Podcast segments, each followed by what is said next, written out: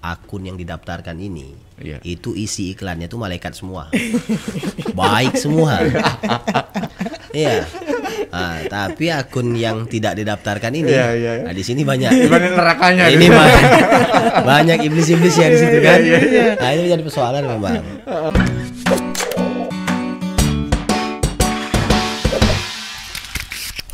Selamat, Selamat sore. Selamat sore, Mas Agus, Mbak, Mbak Nita. Mbak Nita. Selamat Saya- sore ya. Saya sudah kenal semua, tapi pas lihat YouTube-nya. Jadi Iya. ternyata udah terkenal kita. Iya. Di awal aja narus ininya tamu podcast kita udah ini duluan Udah ya, Bang. terkenal, udah. Udah kalah kita hostnya nih. Selamat sore Tribuners ya. Ya. Kita kembali lagi di Tribun Podcast. Ini masih pada libur, tapi nggak kita tetap mau mem- meng- ini meng- memberikan informasi-informasi lah Informasi. seputar pilkada dan kita memang datang nih tamu kita jauh-jauh nih Jauh-jauh. mas. Non jauh di sana. harus melewati laut. laut, ya. Karena jurnalis itu kan memang seperti itu. Tadi saya dengar sama Mbak Aulia tadi di luar. Heeh. Doktrinnya jurnalis itu kalau besok pun kiamat, kita juga harus meliput. Harus meliput dulu. informasi. Jadi walaupun waktu itu nggak ada yang dengar, tapi tidak harus Iya, kita iya. berikan informasi. ke Iya. Kalau di online di breaking news dulu paling. ya ada Bang Khairul Rizal Ya, betul. ya Ya, dari ya. Natuna nih Ya, ketua Bawaslu Kabupaten Natuna. Iya, Tuh, benar jauh, sekali. guys jauh ya Tribuners ya apa kabar Bang Alhamdulillah sehat Mbak Nita, Mas Ya. Agus sehat juga. Alhamdulillah sehat. Alhamdulillah Eh, Terima kasih sebelumnya sudah mengundang saya ke sini Ya. karena Ya. menurut saya ini satu uh, panggung yang sangat berharga sekali buat saya karena ini dapat memberikan informasi dan edukasi ke masyarakat. Ya, karena ya, kita ya. tahu hari ini uh, seluruh Kepri ini hari ini sedang hangat-hangatnya kita berbicara tentang Politik. pilkada. Ada, ya kan. pagi panas ya Bang ya Lagi panas. Enggak, eh, lagi hangat kali ya, bukan lagi panas. hangat, lagi Jadi kita hangat kita ya? tidak mengingin. Saya lebih suka menggunakan istilah hangat ya daripada panas. Kalau Hangat, panas hangat ada levelnya. Hangat level 1, level 2, Dua level. level 3. tengah-tengah. Oh, tengah-tengah. Iya ya masih hangat ini ya. Oke bang. Nih kebetulan memang bang bang Rizal ini eh, ketua Bawaslu. Ah, Jadi kita akan seputar seputar seputar itu pengawasan Iya, pilkada. pengawasan pilkada. Iya Kalau ditanyain soal itu, insya Allah eh, saya bisa jawab. Tapi kalau dia ditanyain matematika nanti saya ampun. Boleh angkat tangan gitu. Boleh angkat tangan ya. Udah sejauh mana nih bang persiapan persiapannya? Eh, kalau kita tahu ya bahwa pilkada itu kan ada tahapannya. Ya. Jadi Bawaslu selalu mengikuti tahapan Tahapannya. terkait dengan uh, persiapan kita dalam melaksanakan pengawasan. Kalau hari ini kita lihat yang paling heboh sekarang adalah kegiatan kampanye ya. Ya. Ya, ya. Kegiatan kampanye yang sudah dimulai sejak tanggal 26 September hingga tanggal 5 November. Maka memang hari ini kita lihat uh, konstelasi dan tensinya memang agak sedikit menghangat karena di situ potensi-potensi seluruh pelanggaran kampanye, pelanggaran pilkada itu ada di tahapan ini. Ya, ya. Ya, Iya iya iya. Ini jumlah DPT di sana 50. 52.810. Ya. 52 ribu. Tapi begini, DPT itu dinamis. Hah. Jadi dia hari ke hari itu dia akan berubah. Jadi Hmm. walaupun sudah kita tetapkan li- 52.800 sekian, besoknya itu akan berubah, bisa nambah, bisa kurang. Kenapa?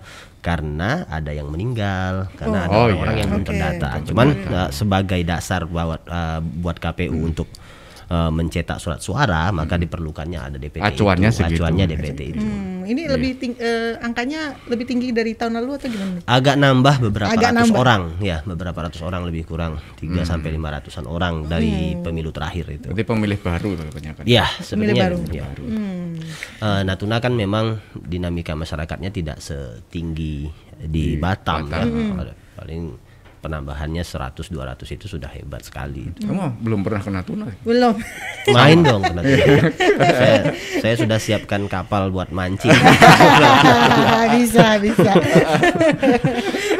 Tapi kalau jumlah TPS eh, berapa banyak? Bang? 170 yang terakhir itu kita 170 TPS ya, ya. Hmm, 170. karena eh, itu kan sebetulnya itu ada eh, pengurangan dari jumlah TPS lalu ya waktu pilkada waktu Pilpres. eh, pilpres. Karena dulu kita 500-an, sekarang hanya 300. Bukannya justru Ya nambah, sorry, sorry, nambah. Kan, Nambah, ya. sorry, ya. Nambah. Ada penambahan dari dari pilpres lalu karena dari dari tadi- tadinya 700, 800, sekarang cuma 300.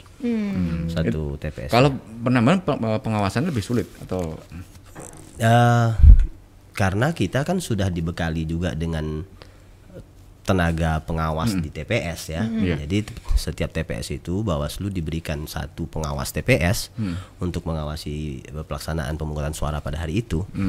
Ya. tapi prinsipnya siap ya untuk Ya kalau sulit ada- itu relatif sekali ya. Relatif bagaimana kesiapan kita. Kemudian kita mendapatkan uh, sumber daya yang memang memberikan komitmen yang tinggi untuk uh, kegiatan, tersebut. kegiatan. heeh. Tapi kemarin selama untuk apa masa coklit ya kita bilangnya kan, kan Natuna memang ini ya pulau kan, maksudnya Hmm. Ya. ada tantangan tersendiri nggak sih maksudnya? Bener. Atau memang ada ditemukan pelanggaran gitu bang pada saat coklit kemarin di Natuna?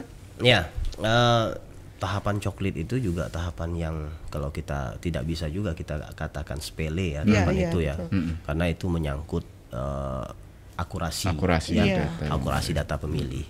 Ada kemarin pelanggaran-pelanggaran dalam proses pencolitan itu biasanya adalah mereka tidak melakukan coklit terhadap uh, orang yang memenuhi syarat. Kemudian itu kita dapatkan data itu, kemudian uh, kita sampaikan kepada mereka berupa saran perbaikan dan rekomendasi juga. Dan itu hukumnya wajib ditindaklanjuti oleh jajaran KPU yang dalam hal ini kan di tingkat kecamatan itu ada PPK dan Ya, PPS. oke. Alhamdulillah untuk Natuna relatif berjalan eh, aman ya. Karena eh, sejauh ini seluruh rekomendasi-rekomendasi yang kita sampaikan kepada kawan-kawan KPU itu ditindaklanjuti. Memang kita memberikan rekomendasi itu dengan data yang presisi, dengan data ada by name-nya, by address-nya, sehingga tidak ada alasan untuk kawan-kawan pe- penyelenggara KPU untuk tidak eh, menindaklanjuti, ya. menindaklanjuti Iya, apa yang kita sarankan, kita berikan saran atau rekomendasi tersebut. Iya. Kalau pendataan ini kan krusialnya nanti pas penghitungan ya mas ya. Eh, itu kan lebih ke data pemilih. Berarti Iya. ke DPT nanti coba Iya, cari, iya, ke jumlah pemilih. Ya, Ini. karena memang nanti outputnya kan DPT. DPT, Iya, pun iya. DPT. Eh, kita ini relatif sepertinya akan singkat proses pendata pendaftaran apa namanya pendataan pemilih kita ini proses pendaftaran data pemilih ini karena tidak sama seperti pemilihan umum lalu pileg pileg pilpres tahun lalu itu sampai ada tiga kali perbaikan DPT Ya, ya, ya, DPT HP 1, 2, 3 panjang sekali kita itu uang tahapannya. Tapi memang di dalam aturan sekarang memang sepertinya tidak ada instrumen untuk me- membuat DPT HP lagi sepertinya. Berarti Masih sebenarnya kita tunggu. eh, perubahan-perubahan apa sebabnya tuh bang? Yang kok kalau dulu segini segini sekarang kok Karena memang waktu itu, waktu itu memang ada temuan Bawaslu, ya, temuan terkait dengan eh, jumlah pemilih yang seharusnya masuk ke dalam DPT itu belum terakomodir, sehingga Bawaslu me- mendapatkan data itu secara real dan melakukan rekomendasi kepada KPU untuk diperpanjang, diperpanjang lagi, ini. diperbaiki lagi Ya. situ kan. Kita berharap memang eh, kali ini tidak sampai seperti itu. Namun kalau memang ada temuan-temuan yang sifatnya sangat prinsipil itu eh, terkait misalnya dengan banyak sekali warga kita yang belum terdata di Terdata dalam di proses situ. pendataan kemarin itu, maka harus kita coba melakukan rekomendasi kepada KPU untuk agar itu diakomodir. Ya. Kalau Bang Rizal ini uh, dari pemilu 2019 at- masa jabatannya dari Saya di dahulu di, di Panwas ya, masih Panwas tahun 2017 itu sampai 2018 itu Panwas. Kemudian ada perubahan undang-undang. Ya, sekarang Bawaslu. kita Bawaslu. Itu Bawaslu kan sudah menjadi lembaga yang permanen yang Ya. sebelumnya ad hoc. Jadi saya praktis di sini itu lebih kurang tiga tahun di Bawaslu. berarti yang pemilu kemarin sudah ini Sudah. ya? Sudah ya. Sudah. Nah, kalau dilihat dari yang sebelum-sebelumnya, maksudnya yang pemilu kemarin lah, karena abang yang ini kan, itu eh, partisipasi partisipasi masyarakatnya seberapa persen bang? Iya. saya bersyukur Natuna itu termasuk wil- daerah yang partisipasinya cukup bagus. oh tinggi. Ya, Berapa persen, Bang? angka kita sudah sampai 80 persen angka partisipasi kita. Jadi Paling tinggi di Kepri berarti ya? benar. Iya kan? Iya, Batam aja pal- eh, 50. benar Iya. jauh sekali. Jadi memang ya saya bersyukur masyarakat kita lebih eh, aware ya dengan Iya. dengan ta- itu apa namanya. itu memang masyarakatnya memang sudah paham duluan atau sosialisasi yang gencar atau gimana bang sebenarnya? Kok perbedaannya jauh sekali.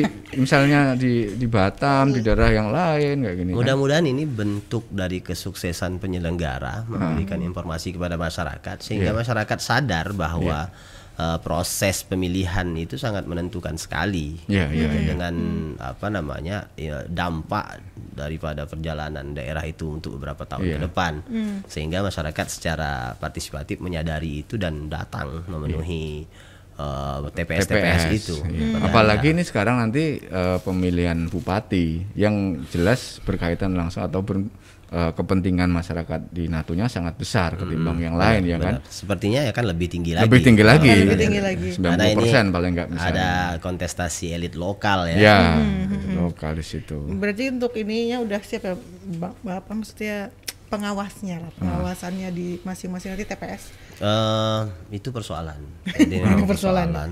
Hari ini kita eh, sedang melaksanakan rekrutmen pengawas TPS. Oh masih ya. Ya, masih itu sudah perpanjangan ketiga. Ini ber- Ya. Udah tiga kali perpanjang. Udah tiga kali perpanjangan untuk memenuhi kuota agar tidak ada TPS itu yang pengawasnya bukan dari orang kampung situ. Oh. Karena ini penting sekali kan. Iya, iya, iya, Kalau iya. misalnya pengawas TPS di TPS itu yang diawasi bu- oleh orang bukan dari Mm-mm, dari berasal dari kampung itu, tentu dia tidak akan mengenal wilayah itu dan da- tidak berpotensi itu tidak mengenal orang kan. Iya, iya, kan iya. Iya. Dari jumlah yang dibutuhkan sekarang sudah terpenuhi berapa? Bang? Data terakhir itu di Bawaslu baru 80 persen. Padahal udah perpanjangan ketiga. Pada Memang mengkhawatirkan Kenapa? sekali. Apa kira-kira, Bang? Itu Sebabnya? persoalan yang menurut saya itu dari tahun ke tahun itu memang pertama mengapa sulit di Iya. Bawaslu karena memang di persyaratan kita itu berbeda dengan persyaratan yang ada di KPPS, di KPU ya. Iya, iya. Karena kita itu syarat umurnya harus 25 tahun, kemudian harus sekolahnya harus tamat SMA. Iya, iya. Namun secara filosofis itu memang benar dibuat oleh kita lembaga Hmm. kita karena sela- seorang pengawas itu tentunya dia harus memiliki kematangan mental Betul. dulu supaya kalau bagaimana misalnya pengawas TPS itu usianya misalnya baru 17 atau 18 Iya, tahun iya, ya dalam kondisi mentalnya yang belum Iya. stabil seperti itu Nanti apa, ada yang belirik aja udah apa, kader. apa berani? Apa berani itu Apa bisa berani tuh, gitu. lihat-lihat orang ya? Iya. katakanlah di situ ya orangnya kumisnya udah Udah panjang-panjang pakai tato kan? Nah, digituin aja udah mundur dia. Kan. iya, jadi se- sebenarnya benar kan dari apa dari semangatnya itu kita bisa tangkap itu. Harus memang pengawas itu harus yang punya kestabilan mental. Ya kan? Dan kematangan katakanlah seperti itu. Sehingga dia mampu menjalankan tugas dan fungsinya di TPS itu. Hmm, ya untuk tribuners yang di Natuna mungkin Ya. bisa mendaftar ya bang ya. Ya. Iya, kami Sangat dibutuhkan Sangat partisipasinya. dibutuhkan, masih ya. masih dibuka masih dibuka beberapa hari ke depan. Dan kami tidak tahu nanti apa uh, surat keputusan yang dikeluarkan oleh lembaga. Kalau memang sampai terakhir juga tidak memenuhi kuota. Apakah kita harus jemput dari TPS sebelahnya dari kampung sebelahnya seperti apa? Nanti tentunya kami selaku pelaksana di bawah akan menunggu edaran dari Bawaslu RI bagaimana menghadapi di situasi seperti itu? Nah, kalau kondisi di sana di Natuna itu kan eh, bisa jadi terpecah sama eh, lautan ya, Bang. ya Iya, iya. itu persoalan. Kira-kira yang di pulau besar perbandingan berapa, Bang? Antara TPS yang di di Natuna sendiri dengan yang di di pulau-pulau. Jadi sebenarnya eh, distribusi jumlah pemilih itu, ju- Ya. distribusi pemilih itu memang betul terkonsentrasi di pulau. Kalau kita menyebutnya di wilayah satu, Aha. itu di bunguran besar. Ya. Itu di situ sudah sekitar 17-an ribu sudah. 17.000. Di- Itu paling besar ya, Ya, paling paling banyak ya. sudah banyak. Ya, ya, paling banyak. 40 persen lah di Iya. situ. berarti. Ya, Sekitar dari 40% pulau da- ya. benar dari pulau induknya saja sudah Iya. sudah menyumbang 40%, 40%. jumlah DPT di Iya. situ. Hmm. Berarti kalau dari Bawaslu sendiri sudah turun ke lapangan nih untuk survei potensi-potensi sebenarnya pelanggaran-pelanggaran ya pasti. Eh, iya, kita sudah membuat pemetaan ya. Kalau di Bawaslu itu kan kita menyebutnya dengan indeks kerawanan Ya, pemilu. indeks Indeks kerawanan. Jadi ya. indeks kerawanan pemilu itu yang atau is- IKP ya, itu kan selalu kita lakukan pengukuran setiap beberapa bulan sekali. Jadi dalam satu pilkada itu belum tentu satu kali saja dia ambil datanya. Contoh misalnya pada pemilihan ini kan, tahun pemilihan ini itu Bawaslu sudah mengeluarkan paling tidak sudah tiga kali mengeluarkan IKP. Nah, IKP sebelum COVID, kemudian masa COVID, Masa kemudian COVID. lanjutan, ya kan. Lanjutan ini. Jadi kan melihat bagaimana potensi-potensi yang akan uh, sangat rawan sekali terjadi pada tahapan ini itu diukur di situ. Tadi pertanyaan Mbak itu kalau misalnya di mana di Natuna misalnya apa potensi-potensi pelanggaran-pelanggaran yang terjadi? Saya kira problematikanya sama dengan wilayah-wilayah lain, hanya mungkin mana yang lebih dominan saja. Iya. Ya. Uh, kalau kita bicara konteks pemilihan, maka uh, fokus pengawasan kita itu tentu uh, pada yang nomor satu itu adalah potensi politik uang itu, Paling ini ya. ya. Mhm. Karena Tapi di politik- mana-mana juga politik Iya, juga iya. ya, jadi krusial. Ma- itu makanya kan. saya sa- makanya saya katakan kalau problem utama di seluruh daerah saya kira adalah politik uang Ya. itu. Kemudian di bawah di bawahnya itu mungkin ada perbedaan. Mungkin di sana ada penggunaan fasilitas negara. Ya, di ya. wilayah ini mungkin kampanye sara ya gitu kan. Iya, Ya, iya. ya. Mungkin di Batam mungkin lebih kental saranya mungkin Ya, ya. yang akan diangkat isunya. Atau mungkin Natuna mungkin daripada dari dari dari dari sisi netralitas, Netralitas ASN-nya katakanlah seperti atau penyalahgunaan fasilitas negara. Hal-hal seperti itu memang eh, berpotensi sekali untuk terjadi dalam proses tahapan ini. Sehingga memang Bawaslu memang eh, melakukan eh, upaya utama yaitu melakukan pencegahan. Nah, Setelah kita awasi kita cegah. Jadi saya selalu menyampaikan kepada jajaran di bawah itu teman-teman itu harus melakukan tugas-tugas utama itu bukan ngawasi kemudian catat laporkan bukan tapi awasi kemudian ada potensinya kemudian dicegah sehingga orang tidak sampai uh, melanggar Nah, kalau sudah melanggar kan ada konsekuensi ada konsekuensi. Ada konsekuensi. Ya, Iya. bisa itu berupa konsekuensi administrasi juga Ya. bisa konsekuensi pidana Pidananya ada. Tapi sejauh ini pelanggaran yang udah ditemukan ada nggak bang? Di Natuna ya? Ya. Yang ada sejauh ini bar- banyak sekali itu dari sisi administrasi ya, karena kita kampanye masih kampanye. Oke. Ya, yang aja. Ka- Administrasi itu seperti apa? Administrasi itu adalah kegiatan kampanye yang tidak menyertakan surat tanda pem- terima pemberitahuan kampanye. Oh, enggak lapor. Nggak lapor. Nggak lapor. Oh. Teman-teman Kampanye terselubung ya. Iya, Iya, iya, iya, iya. Sementara itu kan wajib. Harus wajib, harus sebagai, dilaporkan. Ya, sebagai dasar buat Iya. mereka melaksanakan kegiatan itu. Nah, dalam kondisi itu tentunya ketika kita tahu kita lakukan kita kita koordinasi, kita minta dibubar, kita minta bubar. Bubar. Ya, ya, karena Kalau memang tidak sesuai dengan prosedurnya, ya kan? Mm-mm. Kita minta bubar, kalau nggak mau bubar ya kita bubarkan. Mau ubar sendiri atau kita berdiri? Tapi eh, saya bersyukur lagi sekali lagi saya bersyukur juga menjadi eh, pengawas pemilu di Natuna itu baik masyarakatnya maupun pesertanya itu eh, lebih mudah kita ajak diskusi, lebih mudah kita ajak bekerja sama, sehingga Karena lebih homogen ya.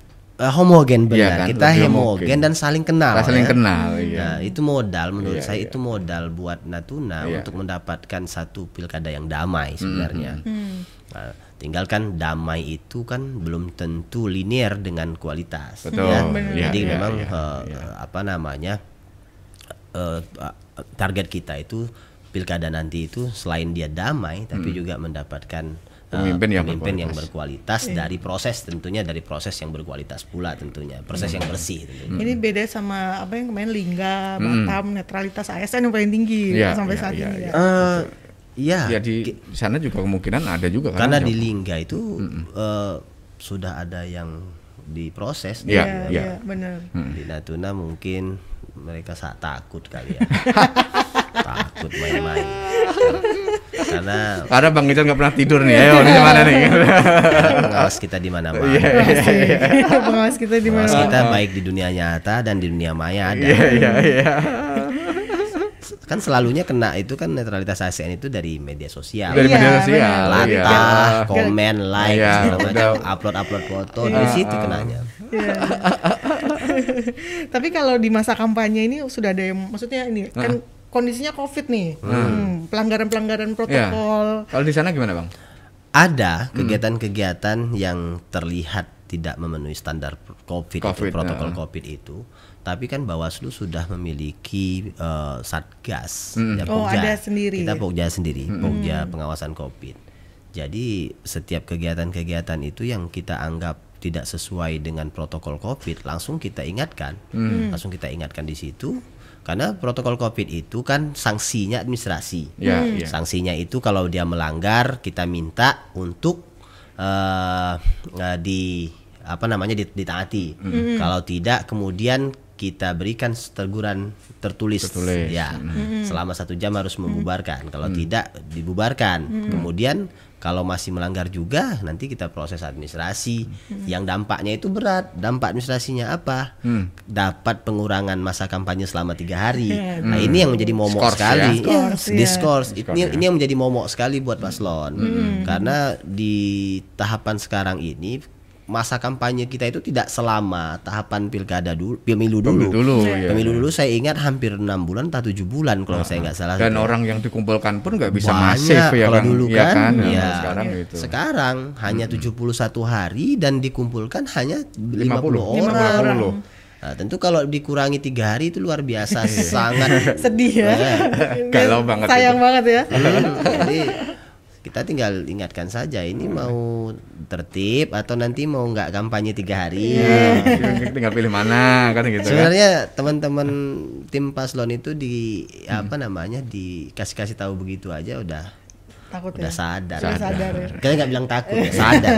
Tim eh, paslonnya sadar bang. Sadar. Tim kampanyenya mungkin yang kadang-kadang kita ada bukti banyak yang nggak lapor juga Iya. untuk lakukan itu kan gitu kan.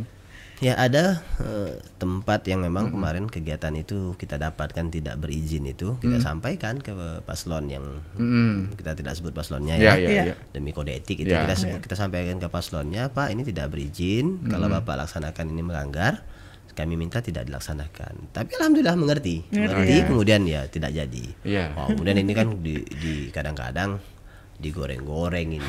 Wah. sebenarnya yang ya. yang dibubarkan saja tidak persoalan Iya sebenarnya. iya kan. iya.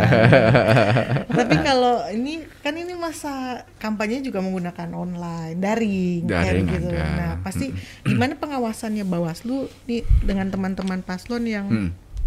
yang menggunakan medsos? Atau razia Nah, razia medsos juga atau gimana? gimana cara pengawasannya, Bang? Ya karena kan paslon itu wajib menyampaikan akun untuk Ya, kampanye ya. mereka Ya, ke ya, Menlu. ya. Kita ngawasinya di situ. Kita ngawasi di 30 di 20 akun itu. Oke. Yang Hmm, ada di- 20 akun. disampaikan KPU itu yang kita awasi dan Bawaslu juga juga punya tim humas dan tim IT-nya kan melihat kegiatan itu.